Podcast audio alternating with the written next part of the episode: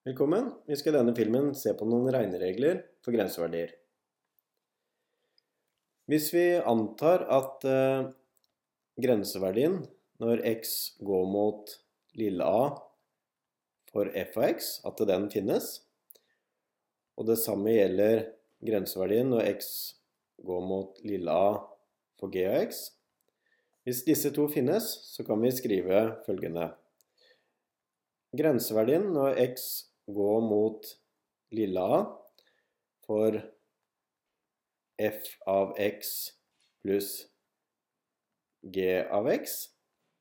Da kan det skrives som grenseverdien når x går mot lille a for f av x, pluss grenseverdien når x går mot lille a for gx.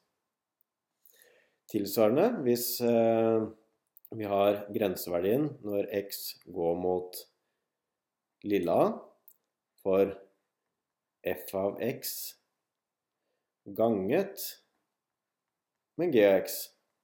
Da kan det skrives som grenseverdien når x går mot lilla for f av x ganget med grenseverdien når x går mot lille a for g av x.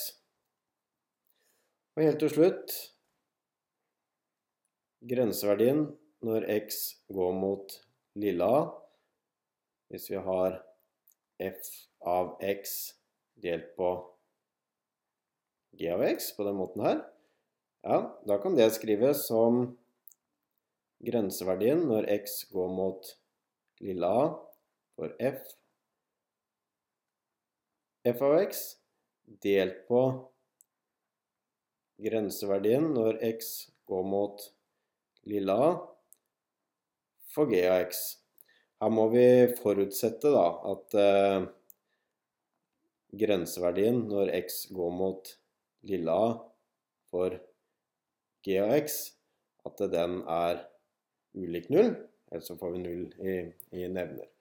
Men her har vi da tre, tre regneregler som kan være litt sånn nyttig når vi jobber med å se på grenseverdien til eh, ulike uttrykk.